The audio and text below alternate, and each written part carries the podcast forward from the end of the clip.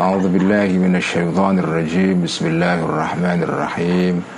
الحمد لله رب العالمين والصلاة والسلام على أشرف الأنبياء والمرسلين سيدنا وحبيبنا ومولانا وقرة أعيننا محمد وعلى آله وأصحابه ومن تبعهم بإحسان إلى يوم الدين.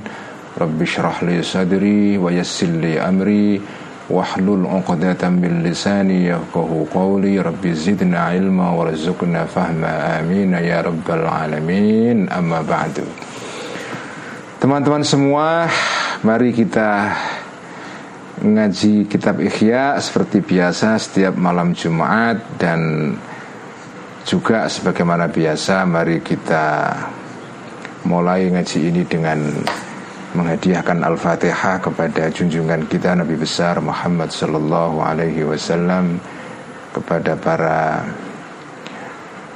keluarga kanjeng Nabi, para sahabat, para tabi'in, at-tabi'in, tabi'in, para al-awliya, asyuhada, as-salihin, al-mu'allifin wal munasfasannifin khususan ila ruhi sultanil awliya Syekh Abdul Qadir al-Jilani wa ila ruhi ta'ifa al-imam al-Junaid al-Baghdadi wa ila ruhi al-imam Abil Hasan al-Shadili wa ila ruhi al-Syeikh al-Akbar Muhyiddin bin Arabi وإلى وإلى روح صاحب الإخياء حجة الإسلام أبي حامد الغزالي قدس الله أسرارهم ونور ضرائحهم وأعاد من بركاتهم ونفعنا بعلومهم وإلى أرواح أولياء أولياء الله تعالى في أرض جاوة خصوصا إلى أرواح ولي صنع وإلى أرواح مؤسس جمعية نهضة العلماء خصوصا إلى روحي بهاشم أشعري خضرة الشيخ بهاشم أشعري كي خالد بنكالان كي عبد الله بحسب الله كياي واحد هاشم كي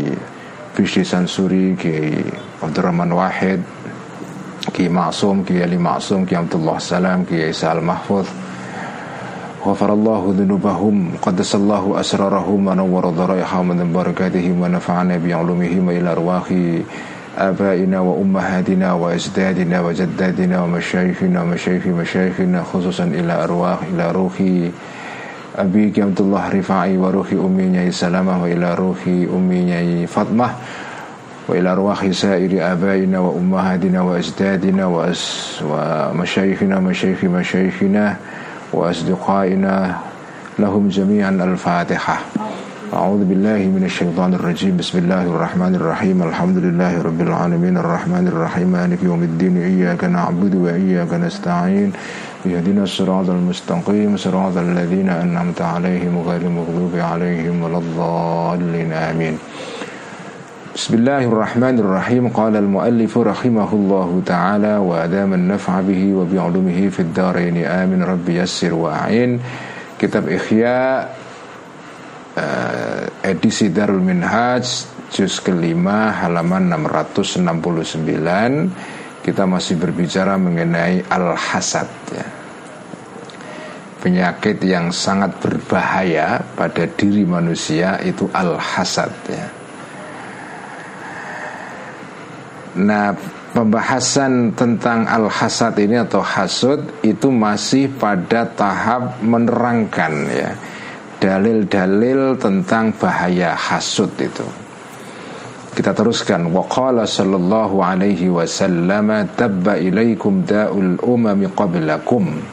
Al hasadu wal baghdha'u wal baghdhatu hiyal haliqatu Waqala dan bersabda kanjeng Nabi Muhammad sallallahu alaihi wasallam dabba ilaikum da'ul umami qablakum ya.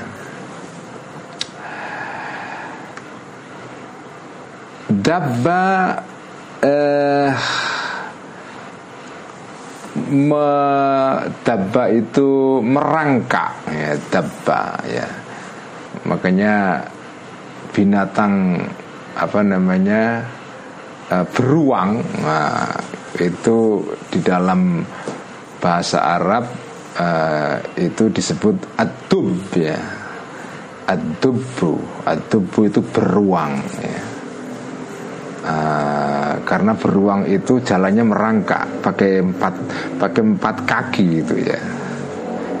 Jadi kalau berjalan masya itu berjalan di atas dua kaki tapi kalau hewan ya hewan yang pakai berjalan pakai empat kaki itu tidak berjalan dengan eh, tidak diungkapkan dengan kata kerja masya. Ya masya yamshi itu eh, berjalan untuk hewan-hewan yang berjalan di atas dua kaki seperti manusia. Itu masya yamshi ya. Tapi kalau binatang yang kakinya empat lalu berjalan dengan empat kaki ah, itu namanya dabba kata kerjanya atau ungkapannya dabba ya tubuh ya. Ah, merangka itu. Meskipun kata dabba itu kadang-kadang juga dipakai untuk menyebut uh, apa namanya semut ya. Semut nggak tahu semut itu kakinya berapa mbak Admin ya? Banyak. Banyak Semut saya kira kakinya banyak. Itu kadang-kadang juga disebut dengan dabba, dabbatin namla tuh. Jadi semut merangkak di malam hari itu. Nah, anak kecil yang belum bisa jalan ya, itu jangan menyebutnya tidak masyayam sih tidak berjalan tapi merangkak karena itu dabba itu ya. Dabba itu budabiban ya. Jadi dabiban itu masternya. Jadi uh, ada penyakit yang merangkak. Merangkak itu gimana? Atau jalan itu lebih cepat. Kalau merangkak itu prosesnya pelan-pelan, tidak terasa. Eh tahu-tahu mak jega mak jegagi udah, wow, tahu-tahu udah di depan kita itu ya. Itu dabba. Dabba merangkak ilaikum kepada kalian daul umami penyakitnya para umat-umat qablakum eh, yang ada ya sebelum uh, apa namanya kalian itu ya. Pertama apa itu? Penyakit yang merangkak.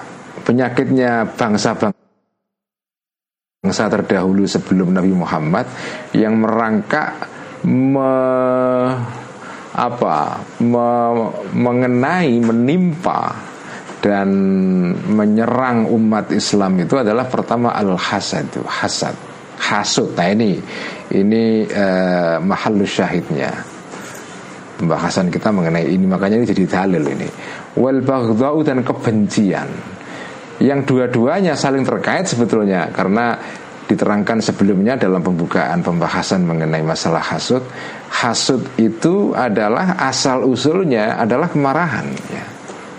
jadi kemarahan dan eh, hasud itu penyakit dari sebelum Eh, umat-umat uh, sebelum kanjeng Nabi. Dan sekarang merangkak menyerang me, apa itu mengenai umat Islam juga. Wal baghdatu dan baghdah ya. Uh, apa namanya ya penyakit itu berupa marah itu. Wal baghdatu dan kemarahan. Kemarahan yang memuncak ya Iya disebut baghdhah itu karena baghdhah itu masdar ya di dalam bahasa Arab itu ada masdar atau ada kata benda yang maknanya kata kerja. Nah, itu masdar ya. Masdar itu sebetulnya kata kerja, tetapi dia e, bentuknya kata benda. Jadi makanya dalam bahasa Inggris istilah dalam ilmu nahwu masdar itu disebut sebagai verbal noun verbal noun kata kerja atau kata benda yang berupa kata kerja. Misalnya contohnya kalau dalam bahasa Indonesia ya, uh, misalnya apa uh, pendalaman, ya. uh, pemberdayaan. Pemberdayaan itu dari segi bentuknya kata benda karena ada po ada an, awalan po akhiran an. Tetapi maknanya kan kata kerja, pemberdayaan, ya, empowerment. Nah itu kan kata benda, tapi maknanya kata kerja karena ada tindakan di situ. Nah dalam bahasa Arab itu istilahnya adalah masdar. Ya. Bedanya masdar dengan kata kerja adalah kalau kata kerja itu maknanya menunjukkan tindakan dan waktu. Ya Misalnya kata kerja madhi itu tindakan dan sekaligus waktu, waktunya masa lampau. Jadi tindakan yang mengandung tenses ya. Misalnya uh, doroba memukul, memukul di masa lampau. Kalau yadribu memukul masa sekarang atau masa depan. Jadi ini kata kerja berupa tindakan tetapi kata kerja yang mengandung aspek waktu ya.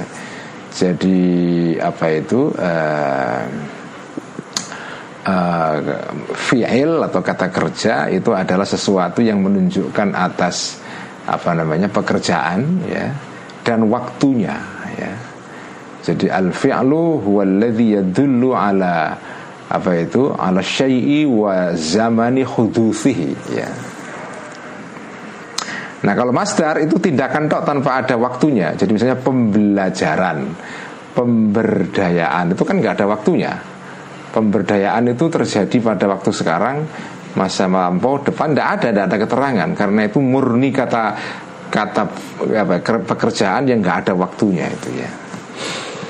Wal baghdatu dan bagdoh yaitu yaitu kemarahan hia bagdoh ini adalah al khaliqatu sesuatu yang memotong yang apa ya memangkas itu al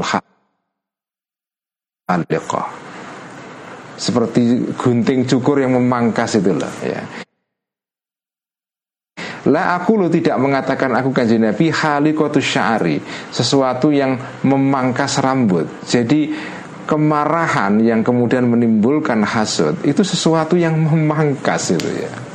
Sesuatu yang cutting off ya Yang apa yang memotong itu Nah, memotong di sini bukan artinya memotong rambut ya. Kalau motong rambut mah tidak masalah, rambut dipotong tumbuh lagi. Tetapi walakin khaliqatuddin Tetapi kemarahan itu adalah sesuatu yang memangkas agama Orang kalau sudah marah itu potensial agamanya terpangkas ya Karena dia akan melakukan hal-hal yang membuat Membuat agamanya ya itu menjadi turun itu kualitasnya itu. Karena dia akan melakukan hal-hal yang berlawanan dengan kaidah agama kaidah moral. Orang kalau sudah marah itu kan digambarkan pada pembahasan ikhya di bab-bab sebelumnya marah itu sesuatu yang kemudian menutup akal sehat itu Ya sudah kalau orang marah itu bisa melakukan segala hal yang berlawanan dengan apa namanya moralitas, etika, agama. Walaupun dia profesor atau doktor atau kiai kalau sudah marah bisa kehilangan akal sehat. Dan bisa menjadi kekanak-kanaan ya. Nah itu kemarahan itu. Jadi kemarahan itu al haliqah sesuatu yang memotong memangkas itu memangkas harga diri juga. Walladzi nafsu Muhammadin biyadihi. Demi zat pangeran Tuhan nafsu Muhammadin yang jiwanya Nabi Muhammad atau jiwanya Muhammad maksudnya saya kan Nabi biadi itu ada di tangannya Tuhan itu alladzi itu. Ini sehwat atau formula sumpah dalam bahasa Arab itu salah satunya bentuknya ini. Walladzi nafsu Muhammadin biyadihi. Ini sumpahnya kan Nabi selalu atau sering menggunakan ungkapan ini. Walladzi nafsu Muhammadin biyadihi. Demi Tuhan yang jiwanya Muhammad ada di tangannya. Oh, itu ini sumpah ini. La tadkhuluna tidak akan masuk kalian al jannata surga hatta tu'minu sehingga iman kalian. Syaratnya masuk surga adalah beriman beriman kepada Allah itu kepada Tuhan Walan tu'minu dan kalian tidak bisa disebut beriman hatta tahabu. Ini asalnya hatta tatahabu, taknya dibuang ya yang satu. Ini bukan fi'il madhi tapi fi'il mudhari ya. Yang semula bentuknya hatta tatahabu ya. Hatta tata, hatta tahabu uh, sehingga saling kasih mengasihi kalian. Ciri khas orang beriman adalah mereka saling menyebarkan kasih sayang di antara mereka, bukan permusuhan, bukan baghdha tadi itu ya. Bukan kebencian. Ala unabbiukum Tidakkah mau menceritakan aku kanjeng nabikum kepada kalian Wahai para sahabat-sahabatku Bima tentang sesuatu ya uh, Youth itu yang bisa memantapkan Bisa memperkuat ya sesuatu ini zalika terhadap tadi itu yaitu sikap saling apa itu sayang menyayangi atau at-tahab ya at-tahabub lakum bagi kalian. Kalian mau tak kasih tahu tindakan yang bisa menyebabkan menyebarnya semangat kasih sayang at-tahab ya at-tahabub al-ukhuwah persaudaraan saling kasih sayang. Kalian tahu afsyus salam bainakum. Afsyu sebakar, sebarkanlah. Sebarkanlah kalian assalama salam ya uluk salam mengucapkan salam damai bagi kalian bainakum di antara kalian. Jadi mengucapkan salam itu cara untuk memperkuat kohesivitas sosial, kerekatan masyarakat karena begitu orang itu menebarkan salam ya. Salam itu ya orang akan merasa nyaman kan itu. Dan salam di sini ya artinya tidak hanya assalamualaikum ya. Tentu saja assalamualaikum itu adalah salam utama bagi kita umat Islam ya. Karena itu sehat salam yang diajarkan kanjeng Nabi. Tapi salam di sini juga mencakup jenis-jenis salam yang lain ya. Selamat pagi ya. Uh, salam sejahtera. Makanya sekarang kalau pidato kan assalamualaikum warahmatullahi wabarakatuh. Salam sejahtera bagi kita semua. Shalom. Nah, ada uh, Om Swastiastu, uh, Namo Buddhaya, itu semua salam itu. Itu semua salam ya. Karena begitu orang mengucapkan itu itu kan kayak mengirim pesan. Mari kita berdamai itu ya. Ini hal sederhana ya, kelihatannya ini sesuatu yang apa ya, sesuatu yang obvious ya, sesuatu yang sudah jelas itu. Tapi kan banyak orang lupa juga itu. Banyak orang lupa juga itu ya. Jadi masyarakat itu menjadi kokoh, menjadi kohesif, menjadi kuat kalau anggota-anggotanya saling mengucapkan salam terhadap satu, satu terhadap yang lain itu.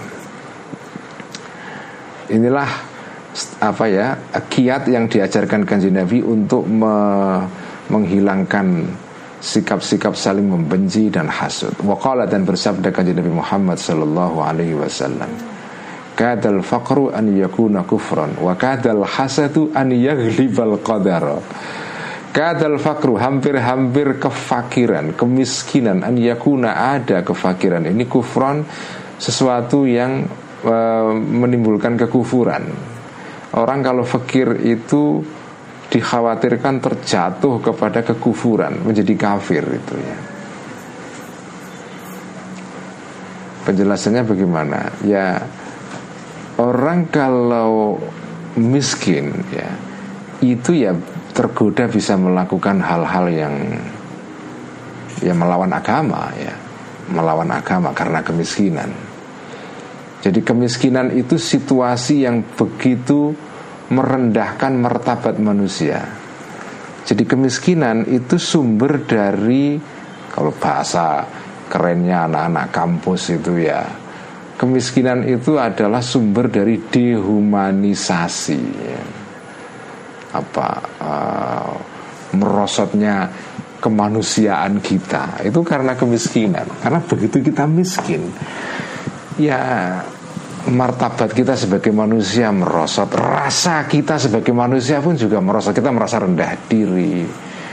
Karena merasa rendah diri kemudian kita tidak menghargai diri sendiri. Atau kita menghalalkan segala cara. Kita terdorong melakukan hal-hal yang melawan hukum. Semua itu kekafiran semua itu. Yes. itu makna kadal fakru an yakuna kufran saya memaknainya kekafiran itu sumber dehumanisasi. Karena itu Islam itu tidak menghendaki orang Islam menjadi miskin. Ya. Jadi ini harus diingat loh ya tetapi kitab Ihya ini mengajarkan kesederhanaan dalam banyak bagian di dalam kitab ini. Ya. Jadi karena ada dua kemiskinan itu. Ada kemiskinan itu kemiskinan alamiah. Ada kemiskinan itu pilihan hidup. Nah, kalau para sufi-sufi itu memang memilih jalan kemiskinan. Dia tidak mau direpotkan oleh kekayaan dunia, oleh hal-hal yang bersifat uh, material itu tidak mau. Sengaja dia kalau mau bisa jadi orang yang berkecukupan, tapi dia memilih jalan kemiskinan. Nah ini ini beda. Ini kemiskinan yang dihayati, disadari sebagai jalan rohani untuk menjadi manusia rohani. Tetapi kemiskinan yang ini lain lagi. Ini kemiskinan karena memang terpaksa karena struktur dalam masyarakat memaksa orang itu menjadi miskin. Nah, itu harus diatasi. Tidak boleh itu negara tugasnya adalah mengentaskan orang dari kemiskinan Karena kemiskinan itu kadal fakur an yakuna kufran ya.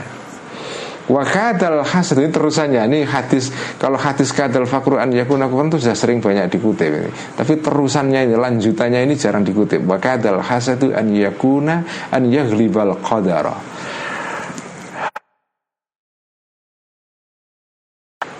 Sifat hasud ya hasud itu an yaghliba mengalahkan um, al qadara takdir itu ya. an al qadara mengalahkan takdir. Ada orang itu ya takdirnya itu ya masuk surga. Tapi gara-gara dia ini hasud dia itu bisa tergelincir menjadi menjadi ahli neraka. Dia masuk neraka itu. Jadi dia ini takdirnya misalnya ya jadi orang baik ya. Tapi entah karena apa nggak bisa mengatasi apa ya sifat hasud dalam dirinya. Kebaikan dia ini hilang itu ya. Takdir baiknya itu hampir-hampir saja.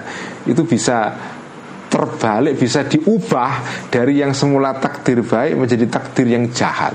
Karena hasud ini itu ya sebagaimana doa itu bisa mengubah takdir ya eh, ke arah yang lebih baik. Nah hasud itu mengubah takdir ke arah yang lebih jelek. Saking bahayanya hasud itu ya.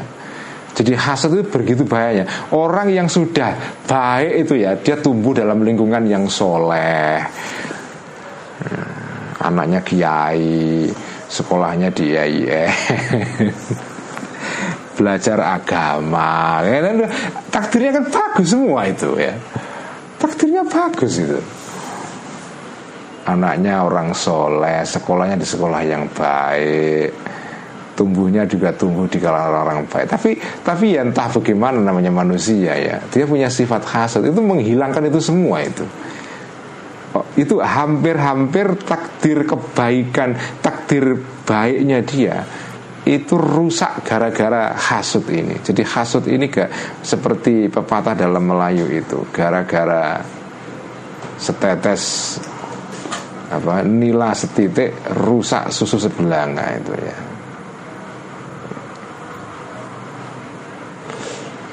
Waqala dan bersabda kanjeng Muhammad sallallahu alaihi wasallam innahu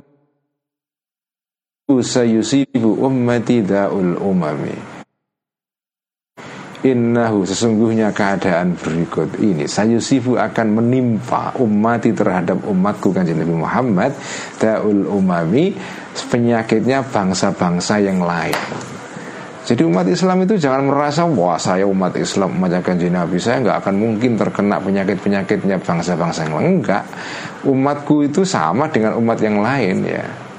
Bisa terkena penyakit-penyakit yang mengenai umat-umat atau bangsa-bangsa yang lain. Kalau bertanya para sahabat, wa madaul umami, apakah itu kanji Nabi? Wama dan apakah utawi opoto iku umami penyakitnya piro-piro umat piro-piro bangsa ya. itu kalau makna pesantren ya wama dan apakah daul umami itu penyakitnya para uh, bangsa-bangsa ya saya ini sengaja baca Ikhya tidak pakai makna Jawa. Ada yang protes kenapa nggak pakai makna utawi gigula yang ngaji Ikhya ini banyak eh. Tidak saja orang Jawa jadi ya kalau yang ngaji orang Jawa tok ya saya maknani dengan makna pesantren ala Jawa. Saya sendiri lebih suka maknani kitab dengan makna Jawa itu karena ya lebih mudah karena begitulah dulu saya belajar di pondok menggunakan makna Jawa. Tetapi karena saya kepingin ikhya ini bisa didengarkan oleh semua orang, saya baca dengan makna bahasa Indonesia ya. Lebih susah memaknai kitab dalam bahasa Indonesia itu karena karena ya kebanyakan para santri-santri itu yang ngaji kitab maknani kitab dengan bahasa Jawa atau bahasa Sunda atau bahasa daerah yang lain. Menggunakan bahasa Indonesia itu jarang. Saya pertama kali ngaji Ihya itu menggunakan makna Indonesia itu susah banget itu. Oh, biasanya kalau makna Jawa kan enak ya. Inna satu ini kelakuan sayu sibu bakal ngenani umat ing umat kuda ulumami opo penyakit piro-piro bangsa. Oh enak. Tapi kalau beda pakai bahasa Indonesia susah itu. Ya, ya tapi sekarang alhamdulillah setelah lima tahun ngaji ya ya udah biasa ya. Jadi jadi saya sengaja menggunakan makna bahasa Indonesia karena saya ingin agar ngaji ya ini difahami oleh uh, semua orang di Indonesia ini bahkan ada yang minta bagaimana kalau ngaji? Ya pakai bahasa Inggris. Wah. Nanti nanti jalan bawang nggak bisa ikut nanti.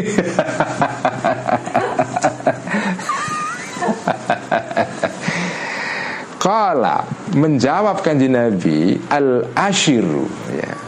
penyakitnya bangsa-bangsa yang lain itu adalah al ashiru yaitu kesombongan ya. al ashiru itu adalah kesombongan wal batoru dan angga keanggaan angga itu al ashiru itu kesombongan eh, apa ya ini ini ini semua maknanya sombong tapi maknanya makna umumnya sombong tapi punya nuansa sendiri-sendiri. Al-batoru itu sombong dalam pengertian tidak mau menerima kebenaran. Jadi al-ashiru itu ya sombong dalam pengertian umum ya.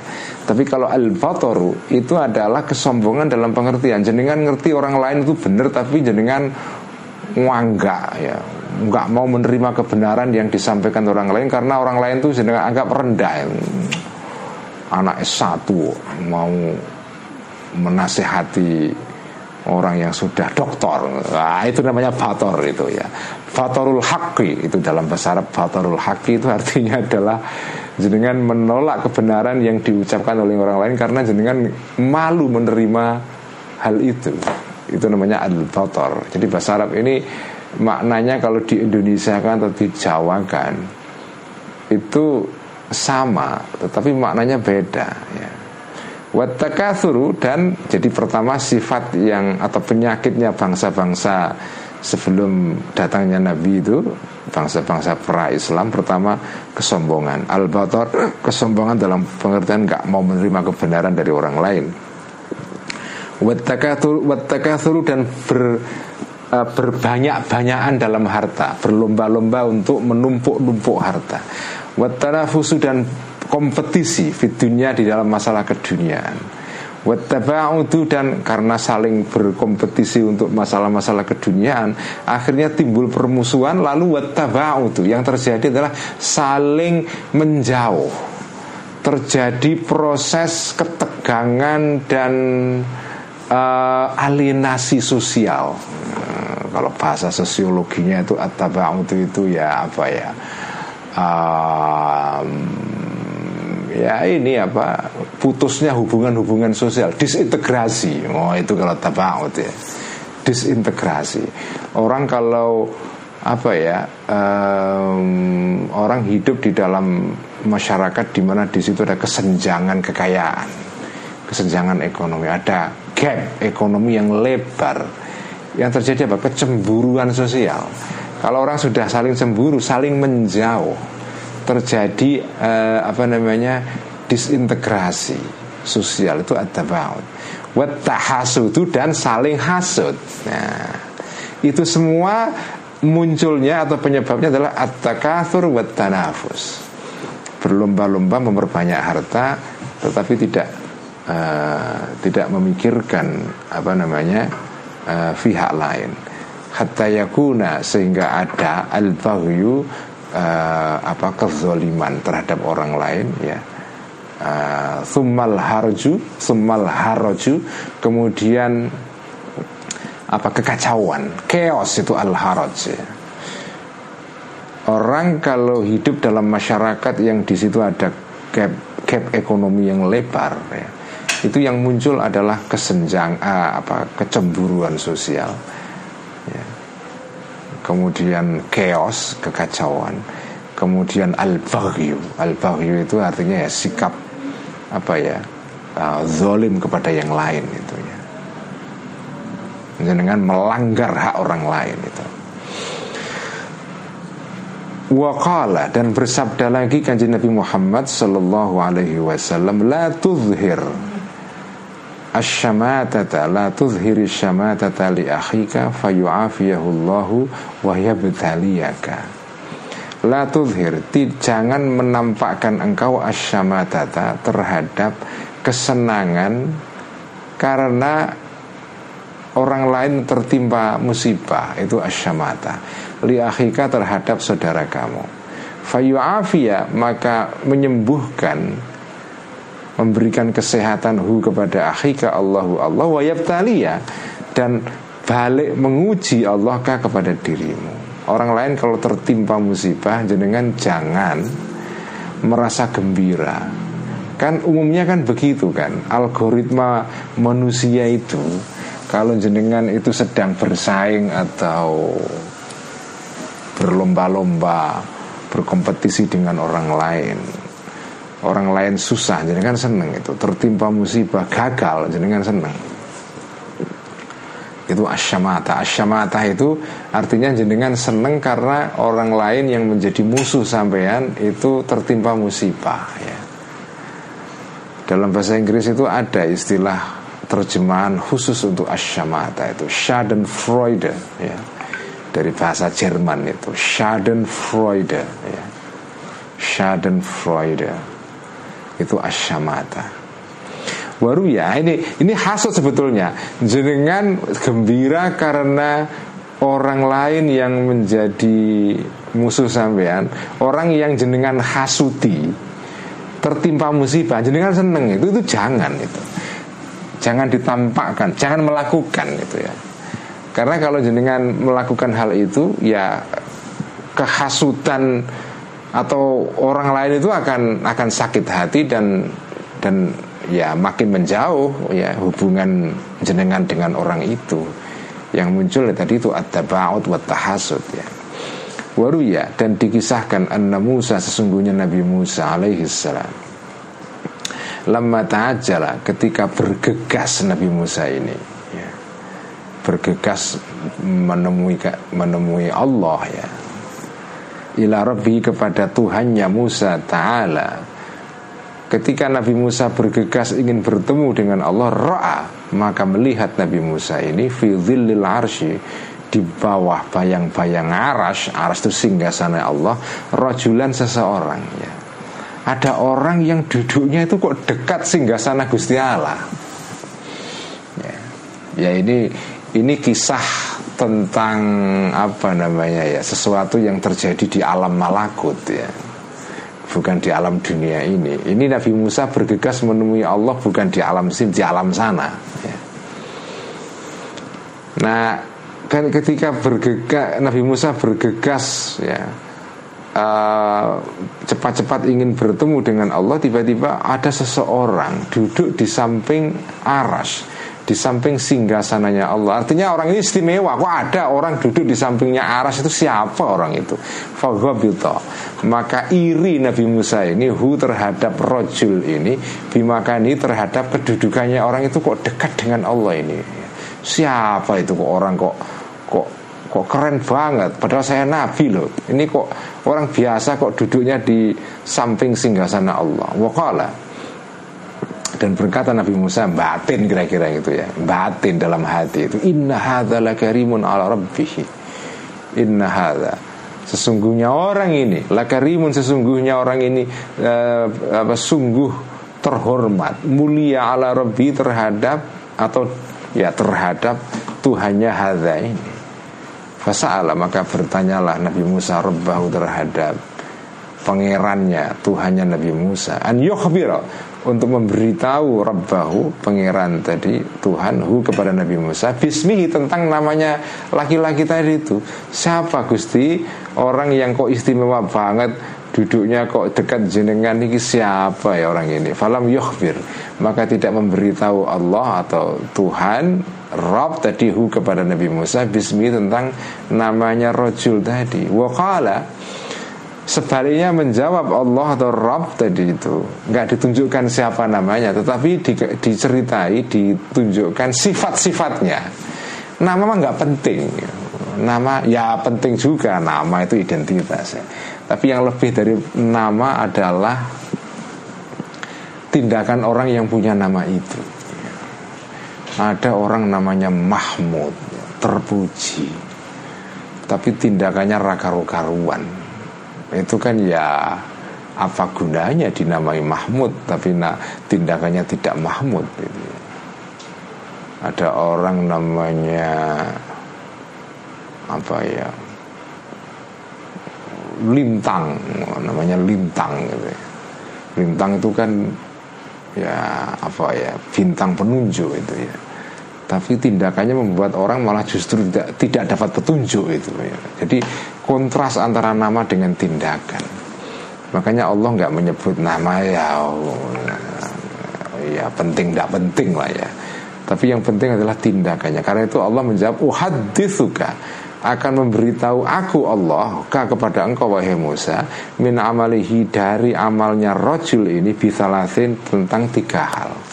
Kamu tidak usah tanya namanya Tidak penting. Yang penting tindakan orang itu Perbuatan orang itu sehingga Membuat orang ini begitu istimewa Sampai dia dapat kedudukan Duduk di dekat arasnya Atau singgah sananya Allah.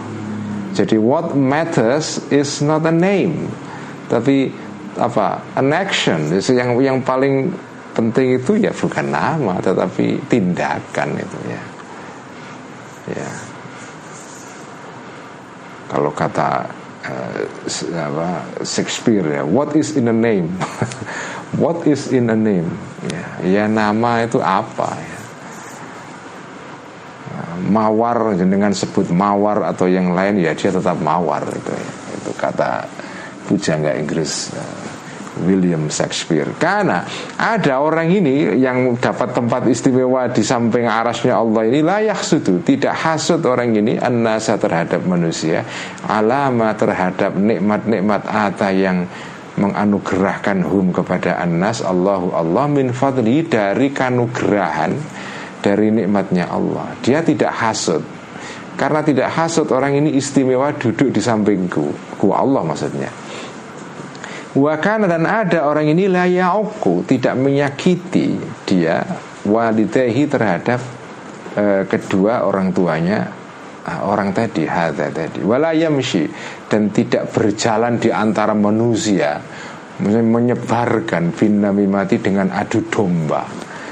Adu domba itu kan biasanya dilakukan dengan cara orang ini menyebarkan fitnah itu. Makanya Makanya tembungnya atau redaksinya itu walayamshi. Berjalan adu domba menyebarkan fitnah ke mana-mana. Itu namanya uh, yamshi bin namimah. Inilah inilah inilah tindakan tiga tindakan orang ini yang membuat orang itu begitu istimewa itu ya. Jadi intinya kalau jenengan ini mau dapat kedudukan istimewa di samping Allah ya di mata Allah. Ya udah ini kata kuncinya sederhana. Dan kalau jenengan amati hadis ini atau ya ini apa ya kisah dari dari Nabi Musa ini apa apa intinya? Ini kan semua etika sosial ini. Ya. ini etika sosial. Ya, ya, tata cara hidup di dalam masyarakat ini. Ini etika sosial ini begitu penting etika sosial itu. Sehingga jenengan itu kalau etika sosialnya tidak beres jangan berharap mendapatkan kedudukan yang istimewa di samping Allah itu. Jenengan ibadah ibadah ritual ya. Tetapi jenengan hasut jenengan menyakiti orang tua mengadu domba menyebarkan fitnah ya ya terus apa pengaruh dari ibadah jenengan itu kok ibadah kok tidak mengubah sifat-sifat jenengan itu jadi betapa pentingnya ini ini ini dalil ini menunjukkan betapa pentingnya etika sosial ya, dalam beragama itu Waqala dan berkata Zakaria Nabi Zakaria alaihi salam. Jadi dalil-dalil ini yang dipakai Imam Ghazali ini bukan saja Quran hadis tapi juga ucapan para nabi-nabi sebelum Islam. Karena kebenaran itu sumbernya bisa dari mana-mana. Ya, kebenaran dari luar Islam itu kita terima juga asal itu kebenaran ya. Dan dalam kitab Ihya ini kita menjumpai banyak ya dalil-dalil yang asal usulnya berasal dari agama sebelum Islam atau sebelum Islam dalam pengertian sebelum Islam yang dibawakan Nabi ya. Wa dan berkata Zakaria Nabi Zakaria alaihi salam yaqulullah taala berfirman Allah taala al hasitu aduun ini amati al hasitu orang yang hasud aduun itu adalah musuh ini amati terhadap nikmatku mutasahitun orang yang hasud itu mutasahitun jengkel atau tidak terima marah ya likodoi karena kodokku terhadap uh, takdirku. Orang yang hasad itu mutasahid ya. Apa ya? Kalau bahasa ala panturanya itu dongkol. Eh, dongkol itu bukan bahasa pantura, itu bahasa Betawi itu. Getem-getem itu mutasahid ya. Getem-getem itu apa itu? Marah banget lah. Oh ini orang kok hokinya kok tinggi banget kok untung terus saya kok nggak bisa seperti itu itu namanya mutasahid itu ya beruntung terus itu. Kok kenapa saya nggak nggak bisa seperti dia? Ah, itu mutasahid namanya itu. Orang yang hasad itu tidak ridho terhadap kodoknya Allah takdirnya Allah. Ghairu radin tidak tidak rela bikis mati terhadap pembagianku Allah. Allah qasamtu yang membagi aku baina ibadi di antara hamba-hambaku. Orang hasad itu pertanda dia nggak ridho terhadap keputusan Allah Membagi-bagi kenikmatan di antara hamba-hambanya Waqala dan bersabda kanjeng Nabi Muhammad sallallahu alaihi wasallam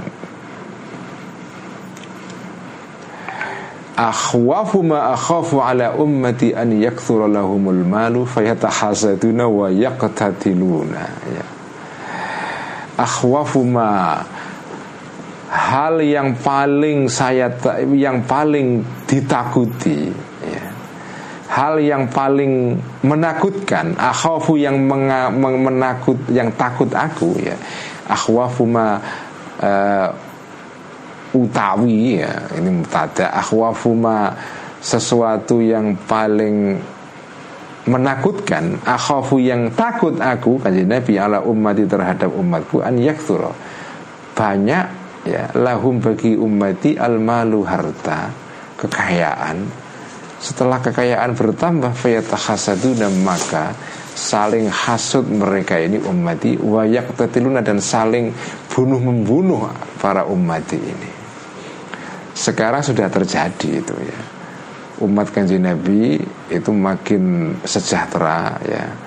Itu malah kadang-kadang bukan umat atau bangsa itu kalau sejahtera kadang-kadang tidak malah saling rukun, malah justru saling membenci satu terhadap yang lain. Itu yang ditakuti kajian Nabi. Harta bertambah tidak menimbulkan, tidak menaikkan indeks kebahagiaan. Ya. Per kapita naik tidak menimbulkan uh, apa namanya indeks kebahagiaan, ya naik, tapi indeks kebahagiaan malah turun itu. Kenapa? Karena rasio gininya apa namanya uh, tinggi ya. Rasio Gini itu alat untuk mengukur ketimpangan sosial ya. Jadi kalau rasio Gini itu tinggi ya itu berarti kesenjangan sosialnya tinggi ya. Makin rendah, makin mendekati nol Itu berarti makin merata pembagian kekayaan dalam suatu masyarakat Makin mendekati angka satu nah Itu makin timpang Nah kalau suatu negara itu kok rasio gininya tinggi Itu berarti kesenjangan sosialnya juga tinggi. Nah di situ terjadi itu At-tahasud, at-taba'ud ya, Saling menjauh, saling membenci dan seterusnya. Nah itu yang diketakuti kajian Nabi. Indeks uh, kekayaannya naik Tetapi indeks kebahagiaannya turun itu. Itu yang paling ditakuti oleh kajian Nabi.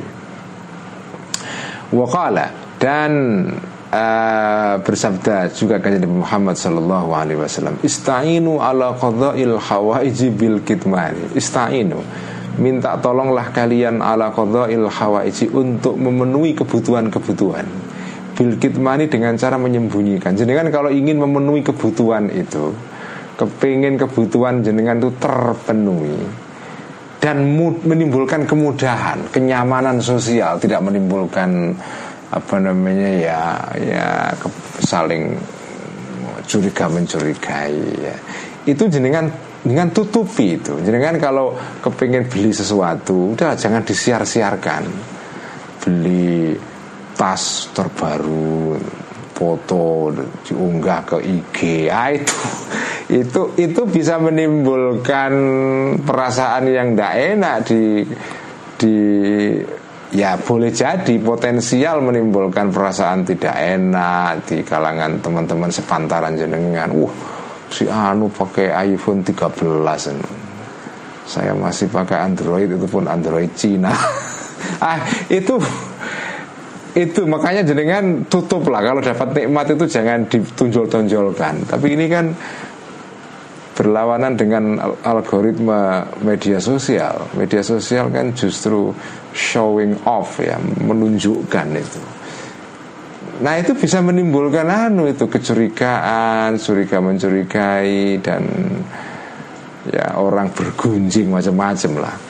Kenapa kok kajian Nabi memerintahkan kalau jenengan itu kepengen memenuhi hajat itu ditutup jangan disiar-siarkan jangan dipublikasi? Fa inna kulla fa inna kulla ni'matin. Karena setiap orang yang memiliki nikmat itu mahsudun akan ada orang yang hasud ada yang akan dihasuti itu ya. Akan dihasuti itu ya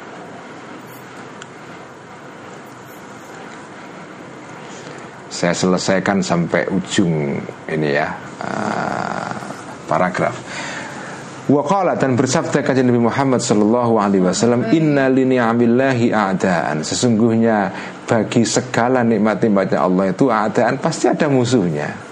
Fakila maka ditanyakan kepada kajian Waman ulaika? Waman dan siapakah Ulaika para musuh-musuh nikmatnya Allah itu Wahai kanjeng Nabi. Kala bersabda kanjeng Nabi Menjawab kanjeng Nabi Alladzina yaksuduna nasa Ala ma'atahumullahu min fadlihi.